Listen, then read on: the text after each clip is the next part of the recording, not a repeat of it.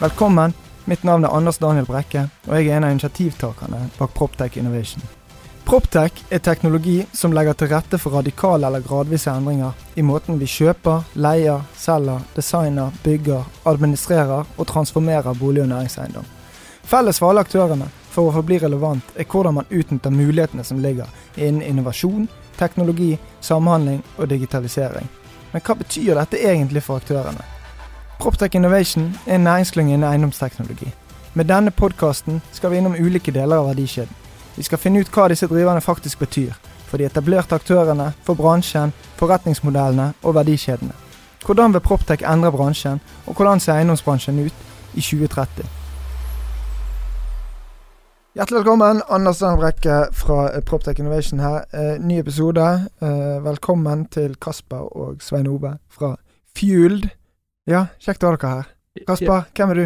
Hva koker du Eh. Kasper, ja. Nei, jeg eh, Ja, hva skal jeg si. Bakgrunn som eh, økonom, siviløkonom. Uh, jobber som, eh, jobbet i tech-verden i, i mange år. Jeg begynte med min første nettside i 1994. Så det var jo eh, før internett var kommet for å bli. Eh, det var jo en nettside om Jennifer Aniston, da. Så det Mm. var kanskje litt flaut å snakke høyt om i en podkast til mange mennesker, men det var nå sånn det var. Jobbet som journalist i digi.no. Uh, vært med i sol.no når det var en kjempesuksess. Jeg var med oss nå, gjennom .com der. Uh, Kommersialisert nrk.no med annonsesalg og alt som skjedde der. Autofil rubrikk startet og la ned. Uh, og jobbet uh, mye med etablerte selskaper for og, med innovasjon og vekst og forretningsutvikling. Første tolv årene med det, og i siste eller I åtte år jobbet jeg i Vis Innovasjon, gamle Bergen Teknologioverføring. Hjalp gründere med å skalere og, og skape gode ideer og få det ut i markedet og møte investorer og kunder. Mm. Uh, startet Fuel nå for et år siden sammen med, med Ove, og Svein Ove nå har kommet inn som partner. Ja, Svein Ove, hvem er du? Ja, Svein Ove. Um, Sunnmøring som flytta til Bergen for å studere og ble siviløkonom, sånn som Kasper. Um, og så begynte jeg i Sparebanken Vest, eh, rett ut fra studiet. Og så ble jeg værende der i ti år. Seks år som leder i ulike roller, fire år som leder for SMB på Vestlandet. Eh, og gjennom det så ble det mye gøy jobbing med ulike former for forretningsutvikling, digital tjenesteutvikling. Eh, var leder for å etablerte en corporate startup. Um, initierte og fikk på plass et samarbeid med, med Folio, som en fintech-startup. Um, hvor i styrebildet Bank.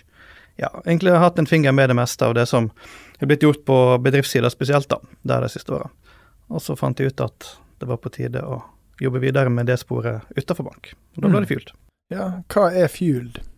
Ja, Det er jo et godt spørsmål. Vi har jo jobbet eh, altså Ove og jeg jobb, har jobbet som konsulent i mange år, eh, så vi har jo sett det at eh, konsulentmodell inn mot innovasjon er ikke eh, velfungerende. Vi har jobbet eh, både med corporate eh, innovation, eh, både som ansatt og som konsulent. Vi har eh, hjulpet og bidratt med mange gründere, og sett at det er, en, det er en eller annen kombinasjon her som er veldig spennende. Og så er det masse flaskehalser om man er en startup eller om man er en corporate. Det som en, en startup sliter med, er jo ofte eh, få lande første krevende kunde, som man ofte snakker om. Det er å ha troverdighet. Hvem vil egentlig kjøpe av en gründer? Det er jo høy grad av risiko når man gjør bestillingen, så det er jo en risikoelement. Det er det å få tak i finansiering. Eh, tilgang på spisskompetanse. Eh, så masse utfordringer for startups. Og tilsvarende man utfordringer i forhold til corporate-verden, altså etablerte selskaper, hvor man har eh, spisskompetanse, man har penger, man har kunder, man har troverdighet. Man har alt det en startup ikke har, men man har ikke endringsvilje og endringsdyktig dyktighet som en startup har. Eh, og den der iboende iveren til å få løst eh, ordentlige floker da, og virkelig være standhaftig og få det gjort eh, med høy fart og høy kvalitet. Så den, den kombinasjonen her er det vi prøver å få gjort noe med. Vi prøver å skape Vi, vi tror virkelig på at det finnes en startup i ethvert selskap. Eh, det vi kan bidra på, det er at den, den muligheten der blir gjort noe med. Eh, så det vi gjør, da, vi skaper eh, identifiserer problemstillinger som er relevant for, eh, for vår eh, klient. eh, verifisere den ut i markedet, og så vurderer vi da sammen med, med, med kundene våre om vi skal forfølge denne muligheten eller ikke. Mm. Eh, det vi ikke holder på med, er klassisk sånn som midt i kjernevirksomheten til våre kunder. Eh, for det skal jo kunden være flinkest til å gjøre selv, så der vi opererer utenfor kjernevirksomheten. Eh, så det vi gjør, er at vi, vi starter en carve-out eller en spin-off, eller hva enn man kaller det, eh, og setter egentlig startup-tankesett og joggeskoene på, men med da alle ressursene som, som vår oppdragsgiver har. da. Mm. Ja. Så det, det, er basisen. Eh, det er klart det at dette er en ny, litt ny måte å tenke og jobbe på. så noen catcher denne veldig fort og greit. andre trenger nok litt mer forståelse for hvordan dette fungerer i praksis. da. Ja, øh, bare kjapt spørsmål. For I forhold til kjernevirksomheten, jeg skjønner jo for all del at dere holder dere unna den. Utfordringen kan jo være at denne her, hvor langt unna kjernevirksomheten kan du gå uten at det blir for langt unna kjernevirksomheten? Og, ja. og hvor langt unna må du være for at det ikke er for nærmt kjernevirksomheten? Ja. Og veldig mye av innovasjonen, i hvert fall der det er høy innovasjonshøyde, handler jo om å gjerne disruptere eller endre måten man gjør kjernevirksomheten på. Ja, det er helt rett. Vi, vi, har, eh, vi, vi, har, diskutert det masse, for å si sånn, både internt hos oss, men også med, med det mentor- og rådgivningsmiljøene vi, vi, knytter oss til. Vi har mm. mange ressurspersoner rundt oss, og vi har diskutert med mange kunder. Eh, vi har prøvd å begrense hvor langt unna kjernevirksomheten vi skal være. Vi driver ikke med radikal, disruptiv innovasjon i bransjer, det er ikke tanken vår. Mm. Eh, og måten vi løser det på, det er at vi sier det at fra en idé oppstår, og vi, vi syns ideen knyttet til en problemstilling vi har identifisert er så spennende at vi starter et selskap, så skal vi i løpet av seks måneder ha ut en første versjon av en eller annen form av et mm. produkt, mm. kall det gjerne en MVP. Eh, så det vil si at vi, vi ønsker ikke å ta teknisk risiko. Eh, vi tar ikke organisatorisk ressursrisiko, men vi elsker å ta markedsrisiko. Mm. Eh, så, så, det begrenser litt eh, både prosjektlengde og hvilken type prosjekter vi skal holde på med. Og da må vi, med deres utgangspunkt, så må vi være relativt tett på kjernevirksomheten. Ja, for den største utfordringen til de store, modne selskapene er gjerne den organisatoriske risikoen, og ikke minst den teknologiske gjelden. Ja, det er helt rett. Så det er jo, det er ofte det vi kan bidra med, at vi, vi, vi vi tar med oss en mindset fra en startup-verden, og vi distanserer oss litt fra, fra organisatoriske enheten som, mm. som, våre kunder er i, og som, som fungerer for å rønne den maskinen og kjernevirksomheten vi har i dag. Men idet du skal ha inn nye tanker og få opp litt tempo, eh, gjøre enda mer kundeforståelse og, og akseptere markedsrisiko, så, så, er det smart å ta det ut i egne entiteter, og organisasjonsformer. Mm. Så vi distanserer oss fra den. Uh, samtidig som vi er avhengig av Mo sin kredibilitet og, og markedsaksept og, og, og, den kompetansen de sitter på. da. Jo, men noen som uh, tilsynelatende i hvert fall har fått dette til ganske bra, er jo Sparebanken Vest. Mm. Absolutt. Ja, men ja, og, og, ja eh, jeg sier ikke, mistenker ikke at man ikke har fått det til, men fra utsiden så er man enten ekstremt god til å eh, fortelle historier, eh, eller så er det faktisk noe substans. Og veksten på Bulder og, og disse andre, Buffer, taler vel egentlig for seg sjøl. Mm. Ja, det, det bankene lykkes med, er jo egentlig å ta et, et godt utviklingsmiljø, eh, organisere dem på en veldig fornuftig og god måte. Um, og så tørre å ta noen sjanser, noen bets, og så satse på dem. Og så har det selvfølgelig vært mye god læring underveis der også. Bulder er jo det siste barnet, eh, og det som har lykkes aller best. Mm. Um, og det er nok til dels også pga. læringene en har gjort gjennom de andre casene som en har vært gjennom tidligere. Um, klart I starten, sånn som Buffer er et eksempel som jeg kjenner veldig godt. Uh, der bommer vi på markedsforståelsen. Noe, altså, den største tabba en gjør, er å lage et produkt som kundene ikke vil ha. Mm. Og det var det første vi gjorde med buffer. Og det er på en måte noe av det vi i Fuel skal unngå for våre kunder. da. Det er jo kanskje den ene tabben vi i alle fall ikke skal gjøre. Ja, Vi har ikke lyst på løsninger som leter etter problem. Ja, det er liksom den virkelige ja, eh, Ligger prinsipielt oppi hodene våre. Sånn mm. jobber vi, ikke vi. Eh.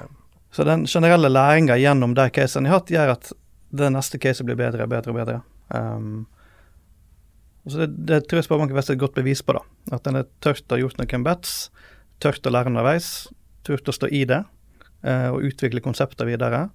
Eh, og ikke slippe det for tidlig. Mm. Eh, og bruke læringa når en lanserer nye konsept senere. Ja, for jeg tror ikke på noe sånn one hit wonder. Altså Nå skal vi bli innovative, og så uh, gjør man det. Man må evne det, det, er jo et maraton. Man må stå mm. i det, og så må man stå for de valgene man har tatt. Og så må man tørre det. Uh, og det tror jeg kanskje er en av de største utfordringene. Er å ta den risikoen med å være den som tør å legge hodet på blokken og si at dette må vi faktisk prøve. Ja, Problemet i etablerte selskap er jo at du tar jo personlig risiko. Ja. Eh, så det er jo Eh, jeg var med, eller fikk ansvar å bygge opp produktinnovasjon i Trygg Forsikring i 2008. Dette var veldig, veldig tidlig. Eh, da var Trygg eh, virkelig tidlig ute med å skape en innovasjonslab i, på hovedkontoret i Ballerup, og man ønsket å satse på produktinnovasjon mm. i en ekstremt konservativ industri. Forsikringsselskaper liker ikke risiko, og så skal man jobbe med innovasjon. Det henger egentlig ikke sammen. ja. sant? Og det man merket der, var jo det at idet man la hodet på blokket og sa det at her skal vi gjøre ting som er utenfor kjernevirksomheten, så fikk man masse intern motstand. Og det gikk eh, ikke det at jeg følte at det gikk ut av meg som person, men du, du, vil jo gjerne få ting til, så du legger litt mer kropp og sjel i det enn rollen man har. Mm. Uh, og da tar du fort en, en, risiko. Og så blir du målt på andre eller du blir målt på det samme som alle andre, men du bidrar på noe helt annet. Og da blir det en ofte en sånn organisatorisk risiko som du nevnte, Anders, at, at man, man, får ikke tilgang på de ressursene man skal ha. Man skjønner ikke helt hvorfor man holder på med det man skal holde på med. Um, så, det er vanskelig, og alle som jobber med innovasjon i etablerte selskaper, sier det samme. Dette er knallhardt. Man, man får gjerne lov å etablere et team, to-tre personer. Eh, men du får ingen frie midler. Så, så mm. hvordan kan du gjøre god prototyping? Hvordan kan du gå ut og gjøre mm. god empati med kundene og, og, bruke relevante ressurser? Hvordan, hvordan får du finansiert ting? Det eh, grelleste eksempelet var i, i Trygda at jeg måtte til side for å få be om penger. Eh, Selskapsomsetter for 15 milliarder kroner. Mm. Det, det, er noe som ikke stemmer, da. Og jeg tror min opplevelse nå, da, ut ifra alle de vi har møtt de siste årene, er jo det at det har ikke vært skjedd store endringer på den fronten i det siste. Man har startet med innovasjonsenheter, men de gir, ikke, de gir, de gir krav til innovasjonsenhetene, men de gir ikke myndighet og ressurser mm. til å få det gjort. da. Mm. Uh, og Det er det vi kan bidra med. Vi kan, vi kan, synliggjøre alle kostnadene. Og ikke minst når vi starter et case eller et selskap der med kundene våre, så kan vi bidra på lik linje Eh, så alle startups må hente finansiering fra det offentlige og fra investorer og business angels og alt dette, så gjør det at kostnaden én blir synlig for selskapet, og det andre er at kostnadsnivået blir vesentlig lavere enn hvis du ville ha gjort det selv. Mm. Eh, det er iallfall det med læring vi har gjort av de tre casene vi har startet nå. da. Ja, Blir en sånn modell tatt godt imot blant aktørene? Ja, altså det er jo et hinder. da, Jo tettere vi går mot kjerne, jo vanskeligere er det. Mm. Så det, da må vi distansere oss igjen. Eh, dette forståelsen av å starte en spin-off, den er litt vanskelig. Den er ukjent. Eh, for ryggmargsrefleksen er jo det at dette skal vi gjøre selv. Dette skal mm. være en del av vår virksomhet, og vi skal ha det som et prosjekt internt i selskapet. Um, mens man ser uh, den modellen som vi jobber etter, så er jo begynt å få veldig stor traction rundt omkring. Eh, og det er jo flere og flere miljøer i Norge som begynner å starte, som har startet det som kalles da en startup-studio eller venture-studio, eller hva man skal kalle den babyen mm. her. da. Eh, rett og slett fordi at man ser at dette fungerer veldig bra. Eh, suksessraten eh, som type selskaper som vi har, er vesentlig høyere enn en klassisk startup. da. Og det er jo fordi at vi har ikke eh,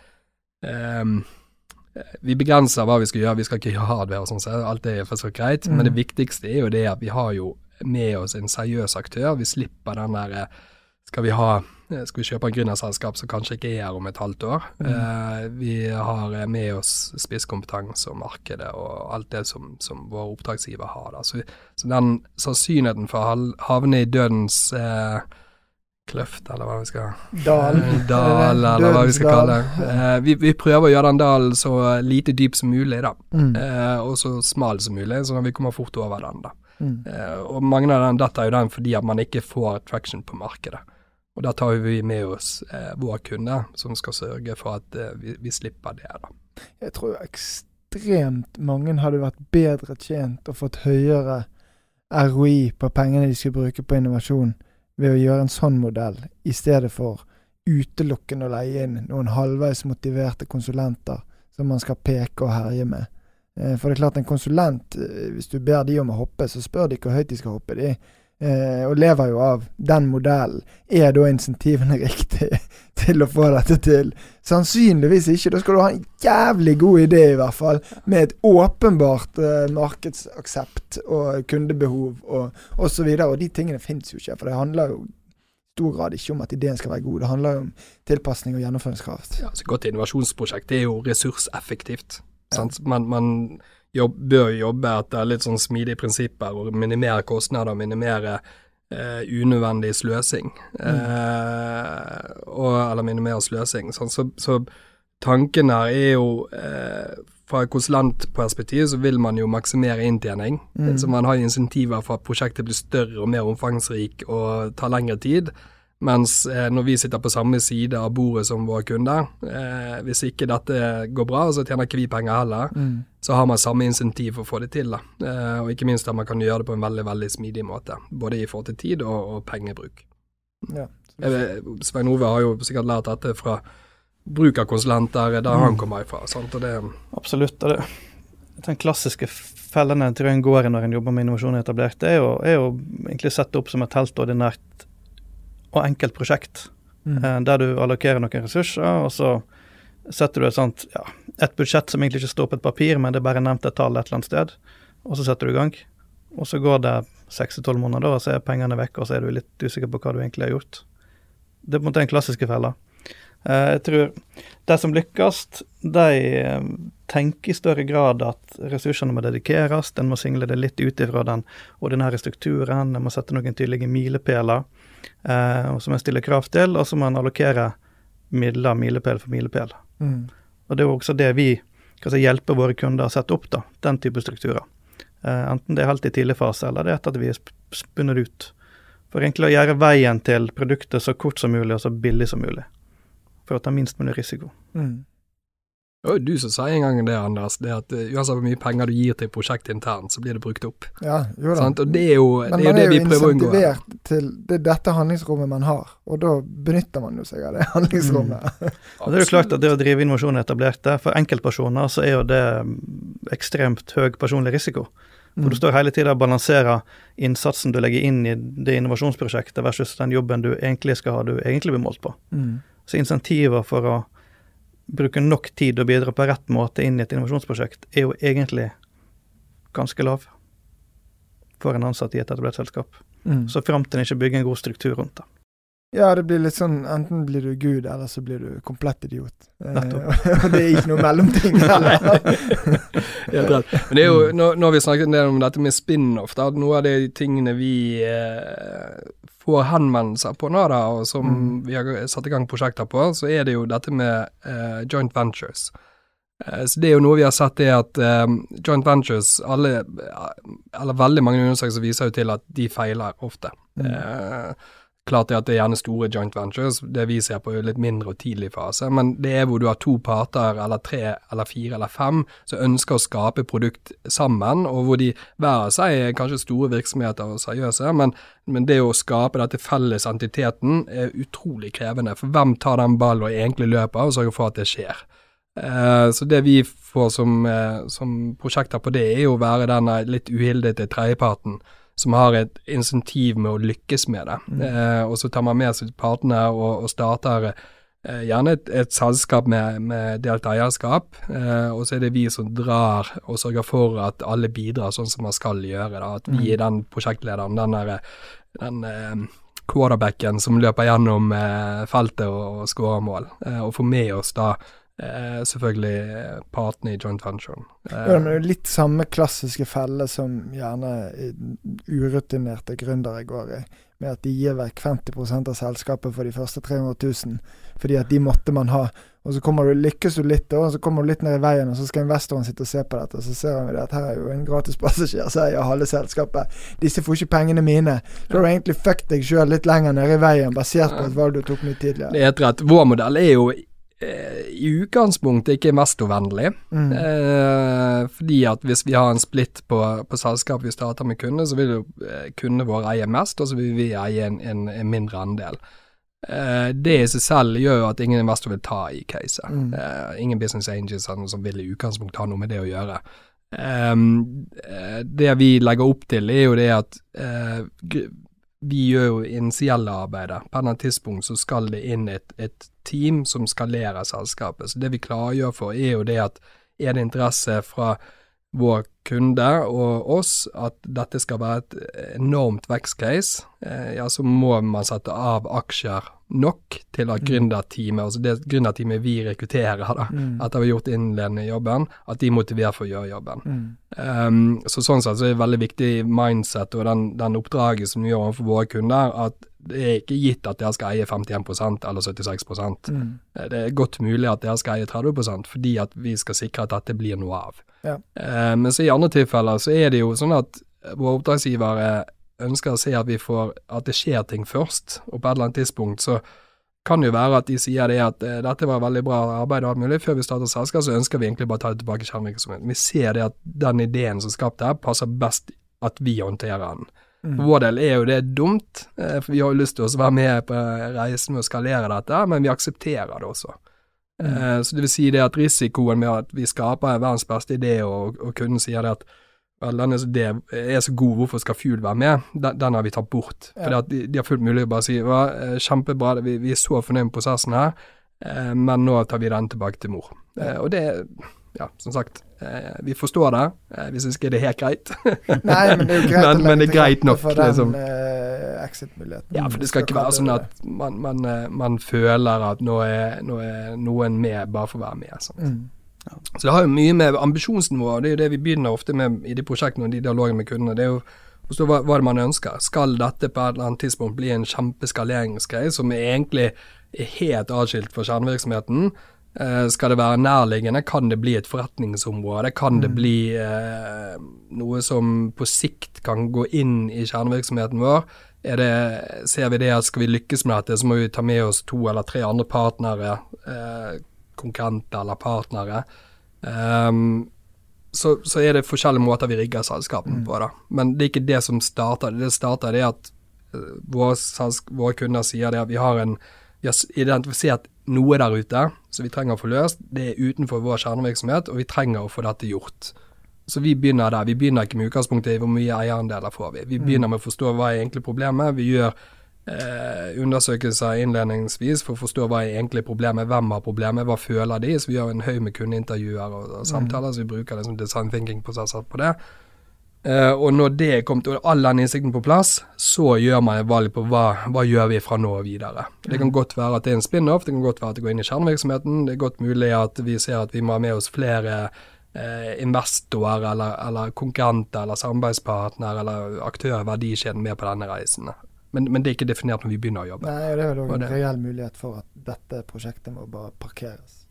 Absolutt. Mm. Og det er, jo, eh, det er jo mange prosjekter vi har vurdert nå som, som eh, vi en, vi har stoppet opp, for vi ser Mhm. det at her er det problem, nei, en løsning som leter etter problem. Eh, og at vi ikke selv har den tenningen skal til for at vi kan operere oss god, som en god startup. Mm. Mm. Eh, Så det er klart det at eh, vi skal drepe ganske mange ideer eh, innledningsvis. For det, ideer vokser på trær. Her er det å finne de ideene som virkelig skaper verdi eh, for oss og for våre kunder. Mm. Eh, og det er det vi er interessert i. Så, så ja, eh, kill your darlings er jo noe vi skal være litt flinke på, da, egentlig. Vår viktigste oppgave er egentlig å legge til rette for at vi kan teste de mest risikable antakelsene så raskt og Mm. effektivt som mulig, og så legge til rette for en, en ryddig og god felles beslutningsprosess. Hva gjør vi videre? Ja, men Sparebanken Vest har jo ingen uh, spin-offs. Det er Nei. kun interne prosjekter. Ja, egentlig. det er for så vidt riktig. Um, det er for så vidt riktig, altså. Um, Bulder er jo på en måte plassert på siden av den ordinære strukturen eller organisasjonen, men det er jo så tett på Mm. kjernen at det blir feil å ta det ut, antageligvis. Mm. Nå skal jeg ikke legge ord i munnen på Sparebanken Vest, men det er jo boliglån. Det er på en måte hovedinntektskilder til en bank. Um, samme med buffer. Det er egentlig bare lån til SMB. Også hovedkjernevirksomhet til en bank. Uh, Folio, som vi har investert i, Mm. um, og som vi har utvikla sammen, ligger litt mer på sida. Mm. Uh, det var utgangspunktet for Folio, var en idé som vi også hadde, der vi egentlig lette etter et team som kunne hjelpe oss å løse det. Uh, for da innså vi at vi kunne ikke løse det sjøl. Og så var vi så heldige at vi traff et team som hadde egentlig en enda bedre idé, og var enda bedre skikket til å løse det. Og så prøvde vi å gjøre det sammen. Um, så du kan si det ligner en spin-off, men, men det, det, er vel mer en sånn, nesten sånn joint venture-tankegang som, som, vi har sett flere eksempel på etter hvert. da. Det, det, er jo klart det at idet du nærmer deg kjernevirksomhet, så vil man jo ha det selv. Og det er jo her veldig Min opplevelse av å jobbe med hundrevis av gründere, jeg har kjørt akseleratorprogrammer, vært en del inkubator og, og alt dette har vært en del av dette miljøet i Bergen i mange år. Um, det er jo det at man har verdens beste idé, gjerne verdens beste team, uh, og så prøver man å selge sin idé uh, til en kunde som har dette som kjernevirksomhet. Mm. Og så opplever man plutselig det at uh, oi, denne kunden har jo faktisk vært smart, de har jo tenkt tanken selv før. Mm. Men det oppfattelsen gründerne har, det er at de har kopiert ideen vår. Eh, og, det, og dette, det er liksom trist, mange triste eksempler på det, dessverre. Eh, så, så, det som, eh, som jeg opplever som Sparebank Vest, det er at de, de, gjør prosjekter som tett til kjerne, og da er det naturlig at man skal ha det internt i selskapet. Både Buffer og Bulder er eksempler på det. Ser man på TV 2, da, som har en helt annen filosofi, som mm. etablerer det som kalles hidden champions, altså de som tar store markedsandeler i et smalt mm. marked, så er det kjempesuksess med det. Eh, men det er jo fordi at mye av det de holder på med, og de spin-offene, er jo ved siden av kjærligheten virksomhet. Eh, TV-grafikk, eh, værvarsel eller værtjenester. Um, teknologi uh, knyttet til å optimalisere mm. faktisk sendinger og dette, som er egentlig utenfor en, en TV-produsents rolle, da, eller en ja, broadcaster. Uh, så det kommer an på hvilken prosjekter man starter, da. Mm. Noen tilfeller naturlig at det er spin-off. Noen, veldig mange, naturlig at det blir in-house og eh, et internt prosjekt. Ja, altså jeg, jeg har jo tenkt om eh, Bulder Bank eh, at det er to ting, det er to grunner til at spar... Jeg kjenner ikke til dette, og vet ikke, og du trenger ikke svare hvis du ikke vil, men det er to grunner til at de gjør dette. Det ene er jo åpenbar at man, da er Sparebanken Vest nasjonal, eh, og de får større, adgang til større marked. Eh, så den er jo grei. Den andre må være at, eh, og kan være at og er jeg så lei av uh, inkrementelle forbedringer på egen uh, mobilbank og nettbank at la meg sette et eget team som kan vise resten av organisasjonen hvordan dette burde vært gjort. ja, men eh, det, jeg tror ikke Svein Ove han skal være litt forsiktig å svare på den siden. ja, han har siste arbeidsdag i går, da, så jeg tenker vi skal gi han den respekten der. Men, ja, men støtter meg, Kasper. Ja, jeg støtter deg. Og det er klart det at det å skape Eh, jo gråere jeg blir i skjegget, og jo eldre jeg blir, jo mer tenker jeg på det at ja, vi kan godt gjøre mye på strategiarbeid og, og taktikker og alt dette her, men vel så viktig er hvordan får vi med oss organisasjonen til å bli eh, altså endre kulturen, måten vi gjør ting hos oss. Hvilke prinsipper og atferd og mm. prosesser og rutiner er det vi egentlig har for å, for å få til endring av organisasjonen. Eh, og det er klart, en del av de henvendelsene vi har, og en del av de kundene vi har, de ønsker å se intern effekt ved at man får en ny måte å jobbe på. Eh, man ser det at ikke det at vi går rundt i joggesko og hettegenser, men at vi, vi, har en annen holdning til hvordan vi gjør kunde, gode kundeløsninger. Mm. I hvilken grad vi involverer kunden fra dag én, i hvilken grad vi, vi eh, tenker MVP. Eh, vi trenger ikke å være stolt av første versjonen. Det skal helst mm. se helt forferdelig ut på bakrommet, nesten. sant? Mm. Uh, det å, å, å løpe kostnadseffektivt etc. Så, så det, det, å endre internt i en organisasjon ved å ansette en innovasjonssjef og mm. tro det at eh, ved hjelp av gule lapper og en uh, kule foredrag at ting vil endre seg internt i organisasjonen, det har vist seg at det, det, er ikke det som skal til. Det som skal skje, eller skal til, er jo litt det som Sparebanken Vest har fått til, og DNB og mange andre banker. Det er å sette i gang prosjekter og vise at vi får det til. Mm. Det er doing bedre enn thinking i så måte. Men det, da må noen legge hodet på blokken til en viss grad. Ja, det, ja da, og det begynner ofte på toppen, da. Det begynner ofte at, uh, at CEO eller uh, en eller annen høyt oppe i virksomheten må si det at vi, dette tør vi å gjøre. Mm. Vi, vi, tør å ta den satsingen der. Det er jo et viktig moment til, da, tenker jeg. Og det, uh, Utgangspunktet for Bulder var jo at vi hadde Norges beste mobilbank i Sparebanken Vest. Mm. Um, så du hadde på en måte et godt grunnlag men det var jo for eh, en kundegruppe, et segment, som ønsket, å være betjent. I, I, veldig stor grad. Ja. Bulder skal jo løse problemet for en kundegruppe som ønsker å gjøre det sjøl, mm. eh, og som er opptatt av eh, i enda større grad opptatt av brukergrensesnittet og det digitale, god flyt osv. Så, videre. så det Sparebanken Vest oppnår her, er jo egentlig å parallelt teste to, to ulike konsept. Mm. Det betjente, som en regional sparebank skal være god på, med tette kunderelasjoner Um, og det ubetjente eller sjølbetjente, som skalerer på en helt annen måte. Nasjonalt og kanskje internasjonalt. Mm. Hvem veit. Og hvis vi ser ti år frem i tid, det er ikke gitt at Sparebanken Vest er større enn Bulder Bank. Kanskje det er omvendt. Egentlig sannsynligvis. Fordi at de, eh, de boliglånskundene som kommer, eh, er mer eh, på sporet av selvbetjening og friksjonsløst enn de som er på vei andre veien. Ja, det er sånn at med modifikasjoner, da. Det, det er jo Eh, viktig, for ja. det var jo sånn eh, Skandiabanken ble startet i 2001. Jeg var jo en av de første kundene der. Det var jo fordi at jeg var lei av at nettbanken var åpen fra 8.30 til eh, 14.30 og kostet penger. Eh, det var jo, Jeg ville bruke banken om kvelden. Eh, Vi er 20 år tilbake igjen, og fremdeles er vi jo banker som Ja, både har filialer og som har eh, man, eh, veldig manuelle prosesser. Mm. Men så er jo realiteten at de unge som skal kjøpe sin første bolig, de ønsker jo å snakke med noen og treffe Mm. noen. De trenger hjelp. Skilsmisse, du må snakke med noen.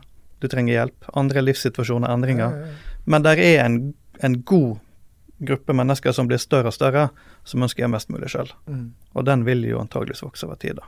Ja, sånn uten sammenligning for øvrig, men det var vel eh, Kan trekke inn Finn, som alle Mm. er glad i å snakke om. De ble jo etter hvert mye større enn kjernevirksomheten. Men hvordan disrupterer Skipsted seg sjøl igjen nå?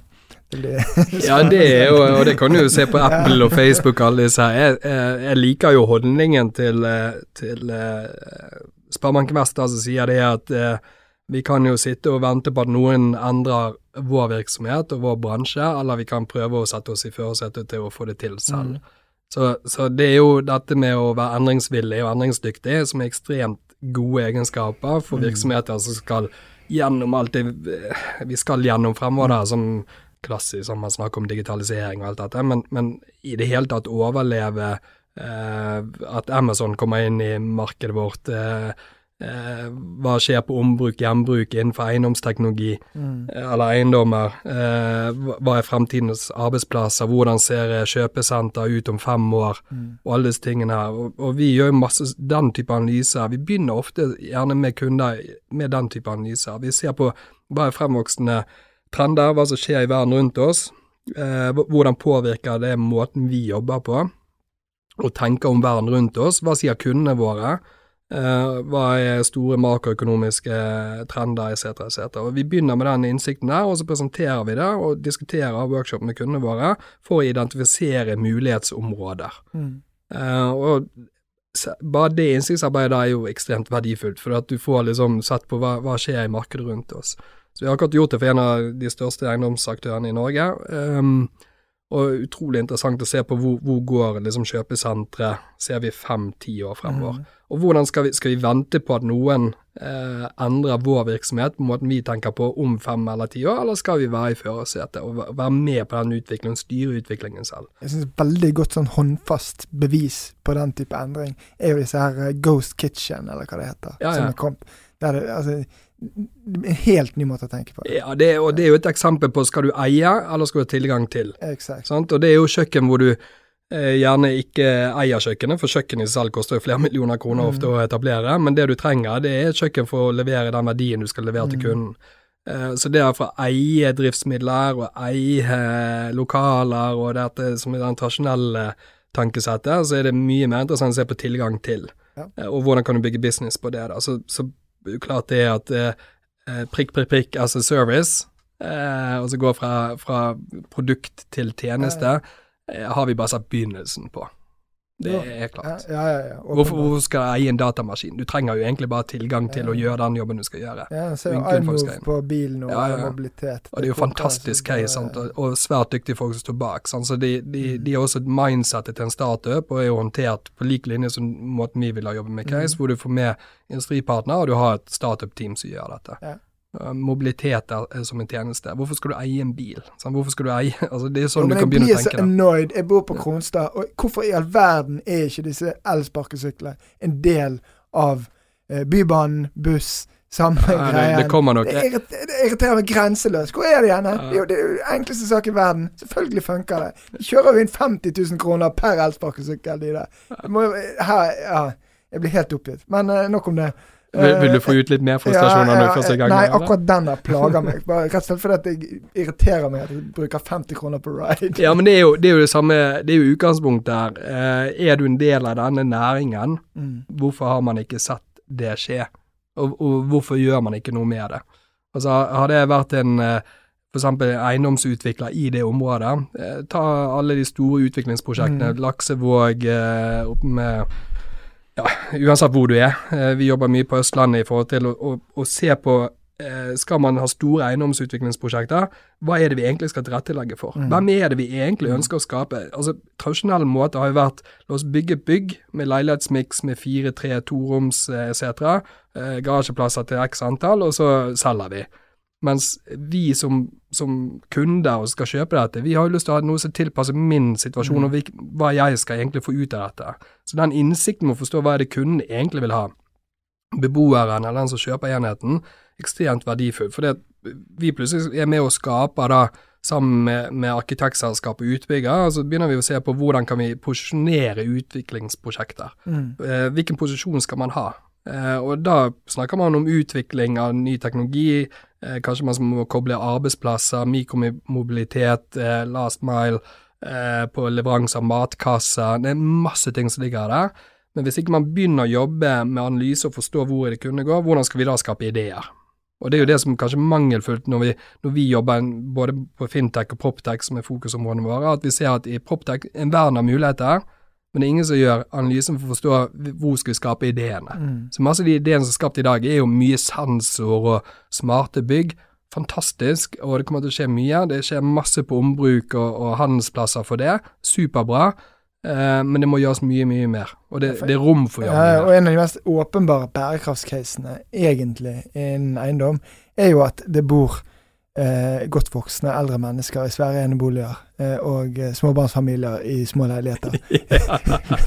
det er eh, Ja, altså bærekraft eh, Hello i lukken. Ja, det er helt rett. Nå må Det noen våkne Ja. og rydde opp i dette greiene her snart. Ja, vi er jo Vi, eh, vi snakker jo eh, ofte sånn i fuel, da, så kan vi kanskje fremstå at vi jobber ganske mye tech. eh, Og ja, vi gjør for så vidt det, da. Eh, Men det er ikke begrensende for hva vi skal holde på med. Så vi holder jo på med et prosjekt nå som går på hvordan kan du drive med, med eh, urban farming. Altså hvordan kan du Mm. faktisk få eh, gjort eh, produksjon av matvarer i nærheten av der Mm. det skal brukes, f.eks. Eh, Så mange andre eksempler på eh, ting vi kan ta tak i som, som eh, er spennende både markedsmessig og miljømessig, og som kan skape den kloden vi ønsker å være en del av. Ja, det er sykt bra sagt. Jeg tror det er Andreas Thorsheim i Otovo som sa det angående kolonial og de norske, de rikeste menneskene i Norge som fem, de siste 50 årene har bygd seg opp på å selge dagligvarer.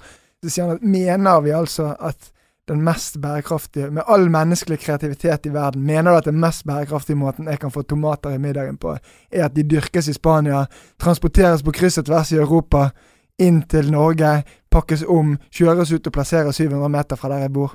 Er det den perfekte, optimale løsningen? Nei, det er jo ikke det. Uansett. Og Da kan du tenke deg i hvilken grad gjør de store boligbyggerne og eiendomsutviklerne sånne tanker, da. Ja, sannsynligvis i veldig liten grad. Ja, og det, det håper jeg jo, sånn som oss, da, at vi kan være med å påvirke. Vi kan Mm. tenke litt annerledes. Vi kan begynne å forstå hva er egentlig problemet. Ta utgangspunkt i kunden. Hva er det kunden ønsker, hva er det kunden trenger? Men det passer bra. Vi må begynne å runde av her. Men til slutt, eh, hvis jeg nå er en, eh, en, eh, en CEO eller CFO, eller kanskje til og med styreleder eh, i et svært eiendomsselskap, har du noe råd på veien? Begynn å gjøre noe. Det er vel det viktigste. Altså, ikke, ikke se at vi bør gjøre noe, men begynn å gjøre initiativer. Det er lov å prøve og feile. Det er den beste måten. Vi må lære litt av barna våre. Eh, være nysgjerrig, stille spørsmål hvorfor det, da, og, og prøve og feile. Så begynn å gjøre noe. Begynn, Sett i gang noen prosjekter. Utfordre organisasjonen, eh, utfordre dere selv eh, til å ta litt risiko. Mm. Og forstå hva kunden egentlig vil ha. Hvordan finner jeg ut hva kunden egentlig var? Du kan jo spørre oss, da. Ja. Oi, den var, den var fin. Jeg tror vi slutter der. ja, det var Kasper et hjul. Ja, det var noe sånt. Nei, men Strålende, gutter. Eh, tusen takk for tiden, og tusen takk for at dere eh, kunne komme. Selv takk. Selv takk.